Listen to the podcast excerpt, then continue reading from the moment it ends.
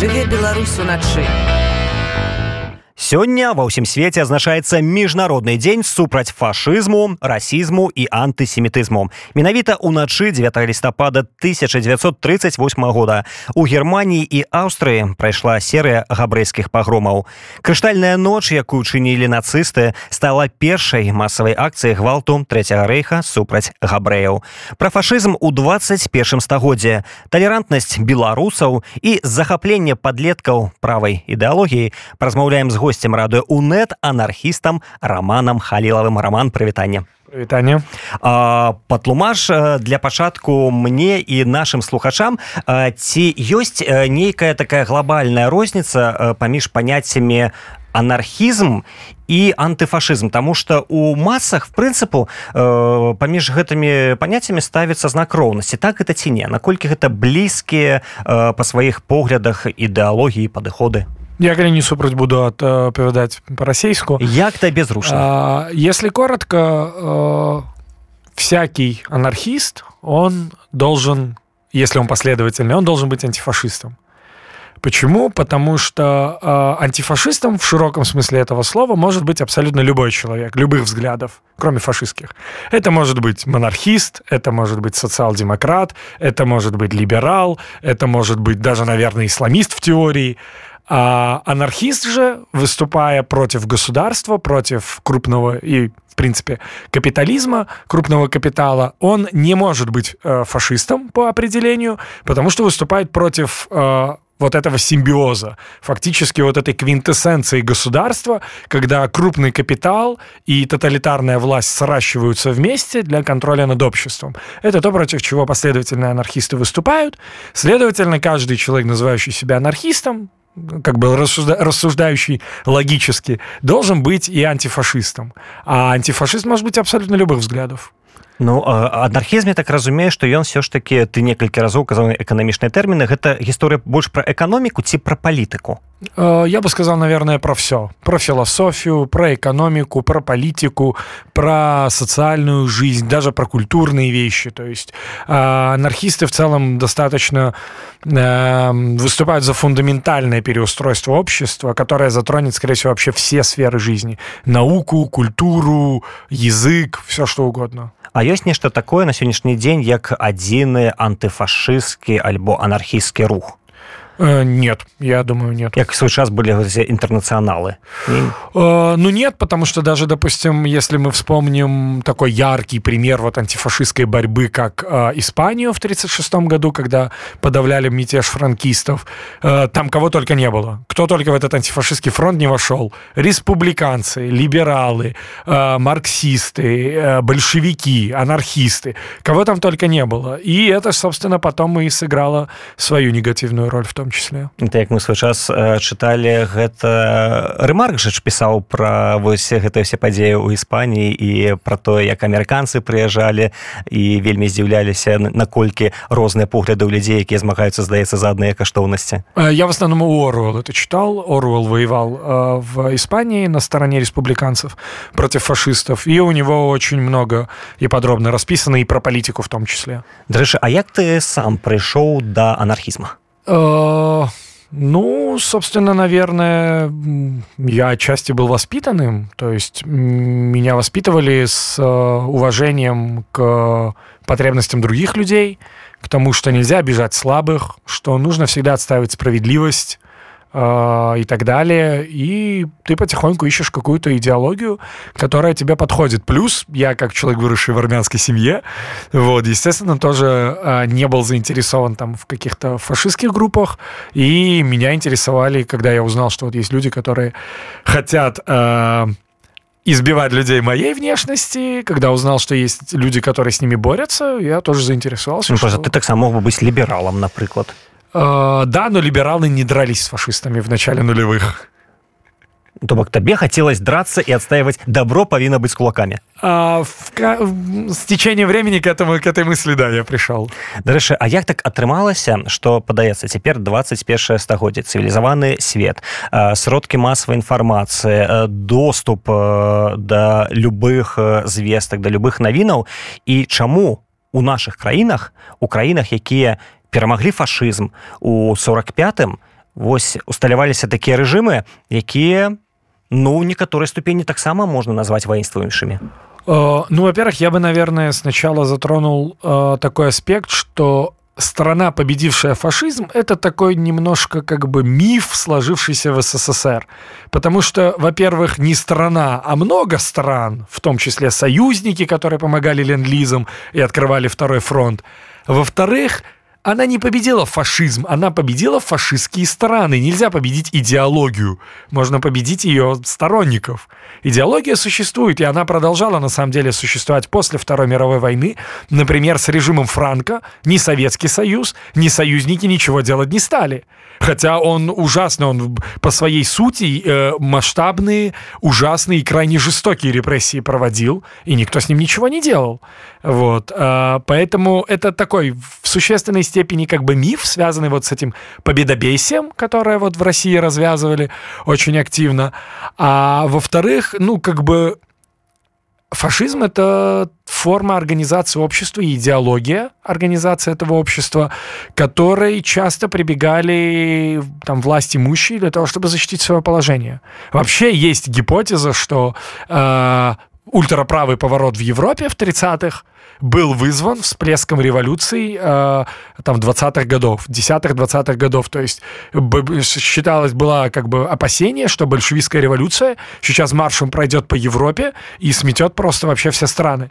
И во многом вот как ответ на появление большевистских, коммунистических, анархистских групп, социалистических в конце 20 века, э, вернее, в конце 19-го, начале 20 века, был правый поворот, вызванный в том числе там становлением э, национальных государств и так далее. То есть э, стали капиталы государства выработали какие-то вот механизмы защиты себя от революционных групп.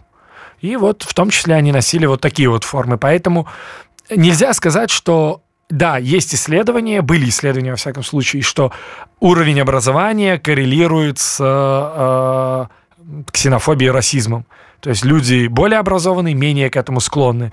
Да, это присутствует, и в том числе э, доступ к информации должен уменьшать количество как бы таких людей но, но але 21 стагоддзя мы бачым что не працуе э, потому что у тебя может быть доступ в интернет и информация, ну, ты, у тебя доступ есть к, знаниям все, всего человечества, то, что накоплено там за 10-15 тысяч существования цивилизаций, а люди смотрят Соловьева по телевизору или там, я не знаю, выступление Лукашенко. Ну, потому что э, образование и развитие интеллектуальное – это тоже требует усилий. А можно включить телевизор, ни о чем не думать, тебе с телевизора скажут, кого любить и кого ненавидеть. Ну але ж у нас павінна быць крытычнае мышленне наш гэтаму нават у школах вучаць. А, да и тут есть проблема. А, ар... у человека мозг это один из самых энергозатратных органов и стереотип стереотипизация мышления это естественный э, механизм для экономии этой энергии. То есть мы очень склонны к стереотипам. В принципе не в контексте э, расовых или гендерных, а в принципе мы учимся на предыдущем опыте и экстраполируем его просто чтобы экономить э, ресурсы и меньше задумываться. Дарэчы ты глядзеў фильм эксперимент 2 Uh, да кажется да это который про школу да гэта які пра школу для тых хто не глядзеў настаўнік левых поглядаў павінен быў сваім вучням паказаць что такія не веда ідэалогіі ультраправыя нават у краінах якія перамаглі у другой сусветнай вайне яны могуць распаўсюджвацца вельмі вельмі хутка што большасць масы яны паддаюцца маніпуляцыям і паддаюцца там як называется моцы. І таким чынам э, там цягам аднаго тыдня ён з дзяцей якія не падтрымалі фашызм зрабіў таких ідэйных маладых фашыстаў. І э, апынулася что гэта не просто фільм гэта быў сапраўды эксперымент. Ён э, праходзіў у Каліфорніі. І что вось ён азначае? Что у людзях ёсць гэта прага да таго каб павінавацца камусьці каб імі кіравалі каб была гэта нейкая дамінацыя. Вось чаму гэта так працуе з намі мне кажется, у людей есть тяга ко всему и ни к чему одновременно. То есть мы э, можем построить то общество, которое захотим. То есть, если ты растишь детей фашистов, у тебя вырастет будущее общество фашистов. Але гаворка ідзе пра тое, што вот дзяцей же не рассілі ў гэтым. Гэта былі свабодалюбівыя дзеці, якія мелі доступ да любой інфармацыі і цягам аднаго тыдня прамыўкі мазгоў яны сталі верыць у тыя каштоўнасці, якія былі ім чужды. Э, я бы не сказал, что те, которые были им чужды, потому что э, фашистская идеология предлагает некоторые э, ответы, некоторые решения, которые в капиталистическом обществе тяжело найти ответы на эти вопросы. Например, чувство общности. Фашизм говорит, что ты не один, ты часть чего-то великого и большого. То есть он тебя объединяет, ты ты часть великого народа, ты часть великой расы, ты достоин лучшего будущего, э, там и так далее и тому подобное. Плюс он мобилизует, то есть есть вы, есть чужие и так далее. Это все обращается к нашим очень древним механизмам э, нашей, там, нашей социальной структуры как приматов. То есть мы тоже объединялись маленькими группами против враждебных хищников и так далее. То есть, грубо говоря, для того, чтобы не быть фашистом, надо делать определенные усилия. Вот. А, а, а анархисты не аб'ядноўваюць это ж таксама ну вот мы анархісты мы аб'ядноўваемся супраць там фашыстаў это ж э, супраць там тых хто э, прыгнетае іншых это ж таксама сістэма аб'яднання как бы пазіцыі збольшага те ж самае ідэалагічна іншыя але пазіцыя яднання падобная Uh, ну, мне кажется, тут очень, как это сказать, uh, структура в том числе важна, как вы все это строите. К сожалению, uh, там определенные суще... Э, существование определенной иерархии, это типа тоже там у приматов, э, ведущих какую-то социальную развитую жизнь, это, ну, в том числе и в биологии наблюдается. Поэтому люди, которые... Опять же, надо понимать, что мы не растем в обществе, которое э, стимулирует несение ответственности за нашу жизнь. То есть, объективно говоря, даже в США в целом там, или в Европе люди знают, что они в глобальном смысле ни на что не влияют.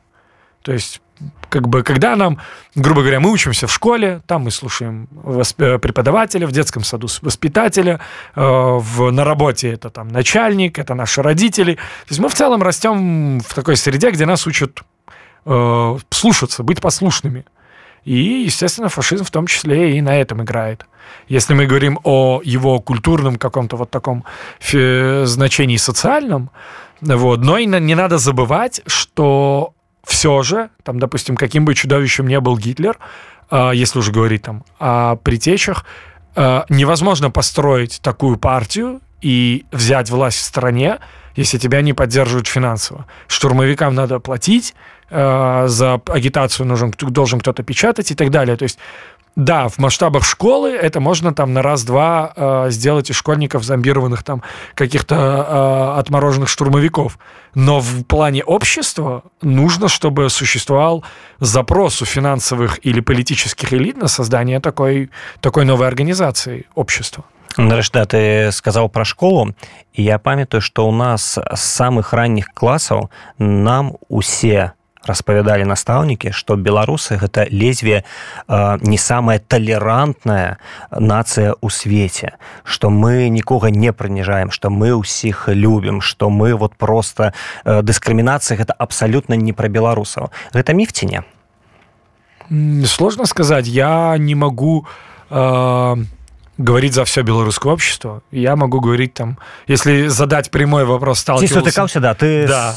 Я, я как бы из э, вырос в армянской семье, у меня ярко выраженная кавказская внешность, и там, если задать прямой вопрос, сталкивался ли я с проявлениями ксенофобии и расизма, да. То есть сталкивался, в принципе, в принципе неоднократно. А, могу ли я сказать, что белорусское общество российское или ксенофобское? Скорее нет. То есть я не могу сказать, что это массовый характер носит, и самое главное, это не носит институ институциализированный характер. Вот. Но частные проявления, конечно, они имеют место быть. Имели, во всяком случае, когда я жил в Беларуси, они имели место быть. Але гаворка ідзе, не ведаю, про школу, калі вось подлетки там один перед адным хочуць показать свою доминацию, ці ўжо про больш такое дарослае сталае жыццё? про все. В принципе, это может быть человек, бросивший тебе фразу след на улице. Это может быть э, наускивание учительницы других э, одноклассников против тебя. Это может быть просто отношение одноклассников, в том числе, да, к тебе, там, в попытке, там, в споре или сразу всплывет этот аргумент, как бы, и так далее. То есть в подростковом возрасте какие-то там оскорбления. Э, в целом такое, ну, я бы сказал, к этому иногда прибегали как к аргументу. і ў гэтым выпадку Беларусь нічым асабліва не адрозніваецца ад іншых краін у плане толерантнасці скажем так если вот от, спрашивать не, от, не отличается, я могу сказать, что отличается. То есть я бывал в странах, где это меньше проявляется и где больше проявляется. А где это меньше проявляется? Ну, например, ну вот, опять же, не ручаю, что я прям все хорошо помню, но я почти не встречал таких случаев в Украине. Вот. Для меня это, кстати, меня удивило, э, при том, что там, как вот миф этот распространяли, что за русский язык там что-то тебе будет и так далее. Ничего вообще абсолютно такого не было. Ни за внешность, ни за язык. Вот. А если говорить о там, э, местах, где такое чуть больше встречается, ну, такое в Польше можно встретить, например. Калі вяртацца все ж таки у Беларусь то ни для каго не таямніца что большасць беларускай моладзі все ж таки прытрымліваецца таких правых поглядаў і гэта відавочна башна по таких актыўных моладзевых суполках напрыклад вот по ультрас. Футбольныя фанаты якія падтрымваюць свои клубы ездзіць по гарадах і вось у нас у беларусі плюс-мінус там каля 40 клубаў у трох лігах. І амаль у кожнага з гэтых клубаў ёсць вось фанатская групоўка якая падтрымлівае. І я палішыў что што з 40 груповак толькі 4-5 прытрымліваюцца антыфашысцкіх поглядаў все астатнія моцна правыя назовем гэта так вось чаму у беларусе такая схільнасць у моладзі да правых поглядаў ну вообще опять же, у меня просто есть гипотеза, я не научный работник. Натурально, мы тут не про науку да, размовляем, мы просто да. разважаем. А, как мне кажется, это очень сильно связано с тем, как вообще работают так называемые фирмы. Э, в, у хулиганов и ультрас, как правило, это достаточно иерархические структуры. То есть это не про самоорганизацию и там какую-то э, саморазвитие. То есть эти ребята занимаются жестокими местами вещами, жесткими. У них достаточно часто жесткая иерархия, и э, как бы есть определенный культ силы, культ насилия. Фашизм очень благодатно ложится в эту почву что вы воюете с другими клубами, с чужаками или там с теми, кто носит другие, другую атрибутику и так далее. Плюс я, как мне кажется, это очень сильно связано было с тем, что всегда э, футбол, около футбол в Беларуси был связан с Россией, с российским около футболом, а там, ну, там прям, я не могу сказать, что это была эпидемия среди около футбола российского, это в принципе была эпидемия в российском обществе, ну, потому что, я думаю, там э, многие знают, что, ну, вплоть доходило до того, что людей убивали среди бела дня из огнестрельного оружия э, из-за их внешность, вот, там существовали неонацистские организации, э, вооруженные неонацистские группы, то есть, в принципе, российское общество было отравлено этим в начале нулевых, и то, что оно попало в такую благодатную почву, почву, завязанную на насилие, местами алкоголь. Э, ну, это естественно. Але адна справа калі мы размаўляем пра ультраправую рассею 90-х а зусім іншая калі мы размаўляем пра ультраправую Европу 2023 года я вось пра што кажу апошнім часам назіраць такая тэндэнцыя што еўрапейскія ультраправыя партыі якія раней лічыліся маргінальнымі сталі уваходзіць у кааліцыі і трапляць ва ўрады еўрапейскіх краінаў. Ну то бок ёсць ужо міністры з ультраправымі поглядамі у італіі у фінляндыі і у швецыі. Як атрымоўваецца што еўропа якая цудоўна ведае што такое э, ультраправыя погляды якая бачыла э, не ведаю паходы гітлера па ёй праз там колькі 70 гадоў вырашыла што ім не хапае таких ультраправых ребят у іх парламентах у іх урадах як гэта адбываецца з еўрапейцамі адукаванымі маючымі э, доступ да інфармацыі і жывучых не пры таталітарных рэжымах маючых свабоду выбора Ну, в этом и проблема, что они не жили при тоталитарных режимах и не знают вообще, что, что, за, что за этим пойдет и повлечет приход ультраправых к власти. А, в целом, да, наблюдается правый поворот в Европе. А, я думаю, он вызван несколькими факторами, а, в том числе тем, что, во-первых, есть такие, такое понятие, как новые правые. Это правые, отказавшиеся от радикальной риторики. То есть они не вскидывают руку в нацистском приветствии, они не говорят, что евреев надо сжигать в печах, они говорят, мы не против иностранцев, мигрантов, мы просто не хотим, чтобы они жили здесь. Мы не расисты.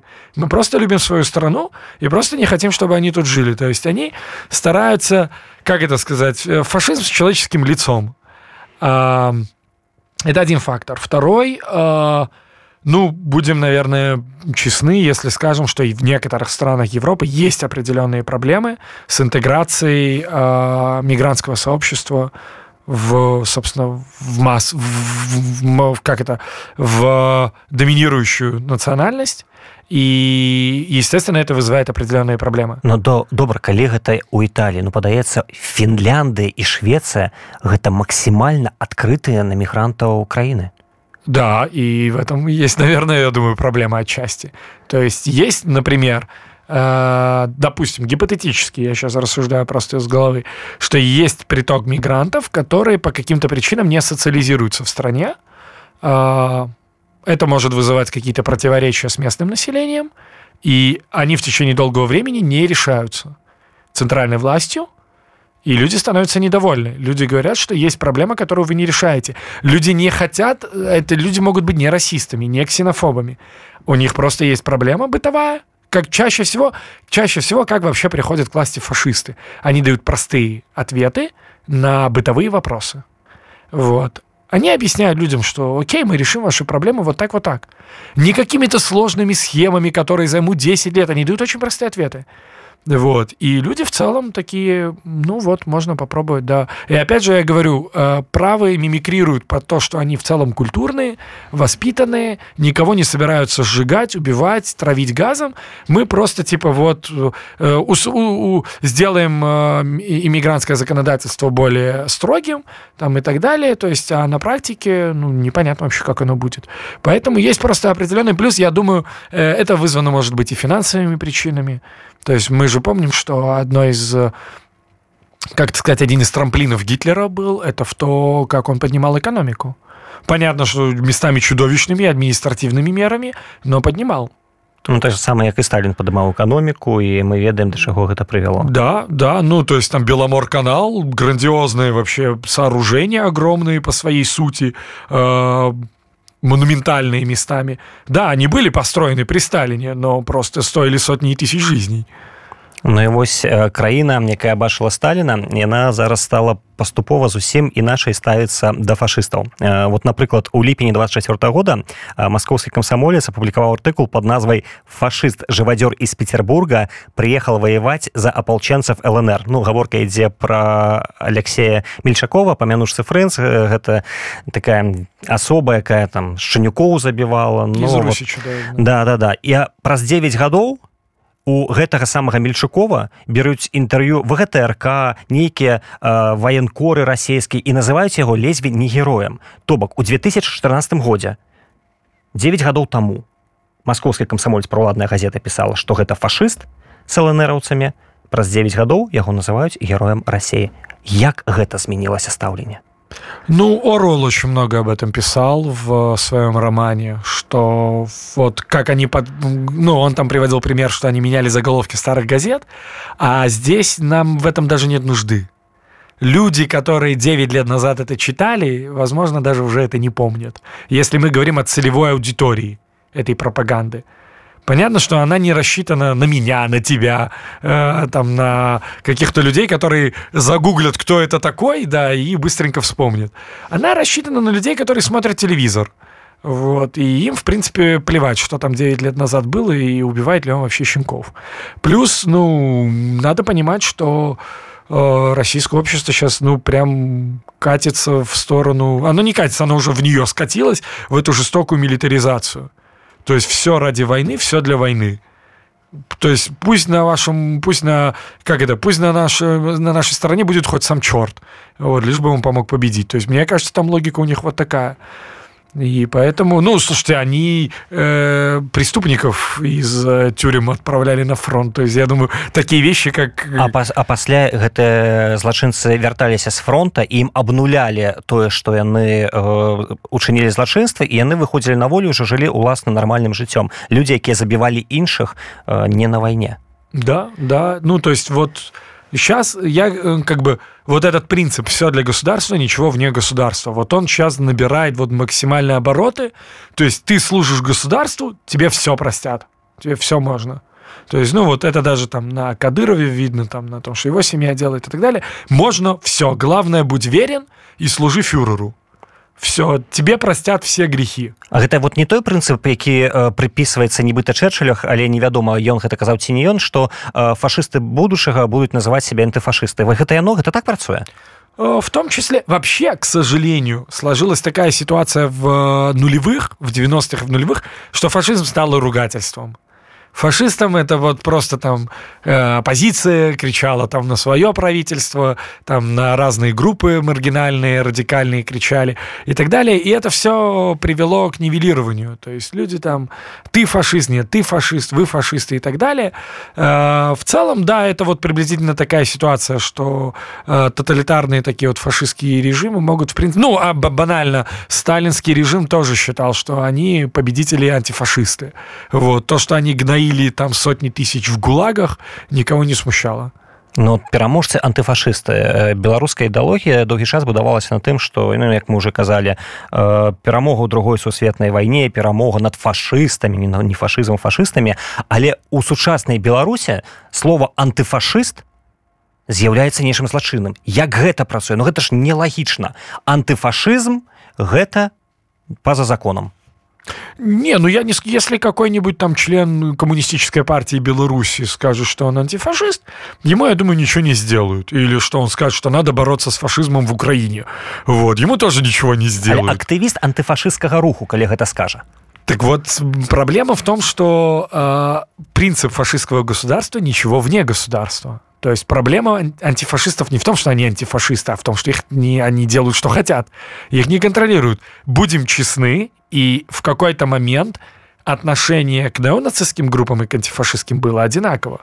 Одна и та же структура ГУБОПа, разные только отделы, занималась э, разными политическими движениями, но отношение к ним было одинаковое. Проблема была для государства в чем? Это радикальные насильственные группы, которые неконтролируемы. После Майдана в 2014 году белорусский режим понял, какой жесткой проблемой это может стать из-за того, что они организованы, у них есть жесткая иерархия, и у них есть навыки. Поэтому их нужно остановить. Они планомерно выщемляли как правых, так и антифашистов. Поэтому я не могу сказать, что тут боялись только антифашистов. Боялись всех и антифашистов, и анархистов, и неонацистов зачищали всех, кого нельзя контролировать. Ну, смысле, любые групповки, якія яднаюцца па нейкіх як цяпер э, згуртаванне птушак бацькаўшчыны і таго баяцца прызналі экстрэміскім ну вот, потому что любое да. магчыма яднанне людзей ну теперь уже я как бы рассуждаю про как бы в мое время когда я в беларуси жил сейчас по сути да все что вне государства все что не контролируется все надо закрыть потому что все потенциальный потенциальная проблема слуха хацеў з табой яшчэ напрыканцы нашай размовы вось абмеркаваць сітуацыю якую зараз за якой зараз сушыць увесь свет. Гаворка ідзе пра падзеі ў газе. І натуральна што калі толькі пачыналіся цывілізаваны свет натуральна падтрымліваў падтрымліваў Ізраіль разумеў што там адбываецца але пасля таго як Ізраіль пачаў вось скажем так вельмі моцную сваю скажем так пачаў працаваць без без правілаў войны як было заяўлена і многія сталі казаць что можа хамас не так все дрэнна зрабіў і вось пашлі выказвацца на карысць палесціны многія там дзечы палітыкі і грамадзянская супольнасць таксама ўжо не ведае што больш правільна вось у таких умовах калі ты не разбіраешься у павесцы і сочыш за тым что адбываецца калі бачыш такія жорсткія заявы э, з боку Ізраіля калі бачыш что адбываецца з людзьмі якія не маюць там доступу до пітной воды якіх там забіваюць хаця яны нічога не рабілі ці не можа гэта прывесці свет да нейкай такой э, новай фазы антысемітызму на фоне тых падзеў якія адбываюцца і на фоне тых учынкаў якія цяпер робіць кіраўніцтва Ізраіля?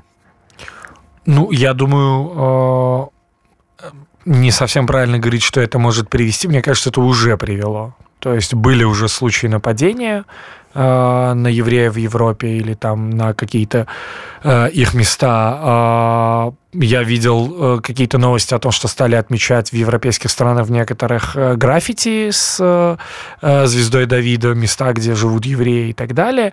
Э, в принципе, с учетом того, какое большое количество э, как бы, э, э, иммигрантского населения э, мусульманского вероисповедания, то это, в принципе, неудивительно что это будет вызывать, в принципе, что это будет вызывать. В принципе, э, в Европе далеко не однозначное было отношение к Израилю, потому что, если строго говорить, э, Израиль в этом конфликте он оккупационная власть. Это, ну, это не, не мое мнение, это он так говорит.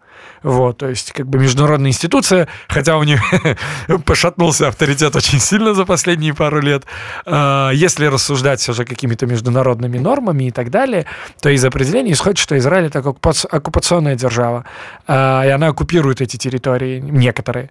И, в принципе, у него тут позиция была шаткая. А когда они как бы фактически этими действиями приравниваются, то есть, ну, ведут войну такими же способами, естественно, это вызывает, ну, определенный протест, и, ну, как в глазах некоторых людей оно их, это их уравнивает.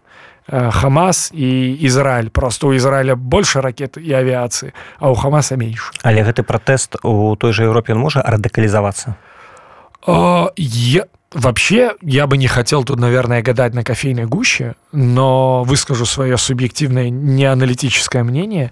Мне кажется, мы вообще на пороге очень больших э, катаклизмов и военных конфликтов в мире, и в том числе в Европе э, было заявление, я не помню, не то министерство, а одного из министров, не то МВД, не то обороны в Германии, о том, что они опасаются гражданской войны в Европе. Вот. И, в принципе, в том числе, наверное, по одному и одним из как бы предтечей этого может быть и вопрос да, отношения к Израилю и его политике.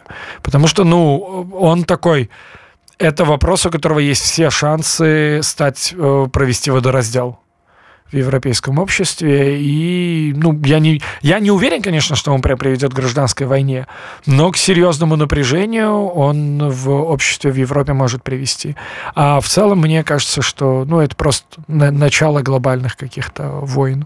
роман час нашай размовы на жаль падышоў до конца я хачу тебе падзякаваць за гэтую размову і нагадаць нашим слухачам что сёння гостцем радыё унет быў анархіст роман хаіло дзякуеш раз дзякуй что запрасіў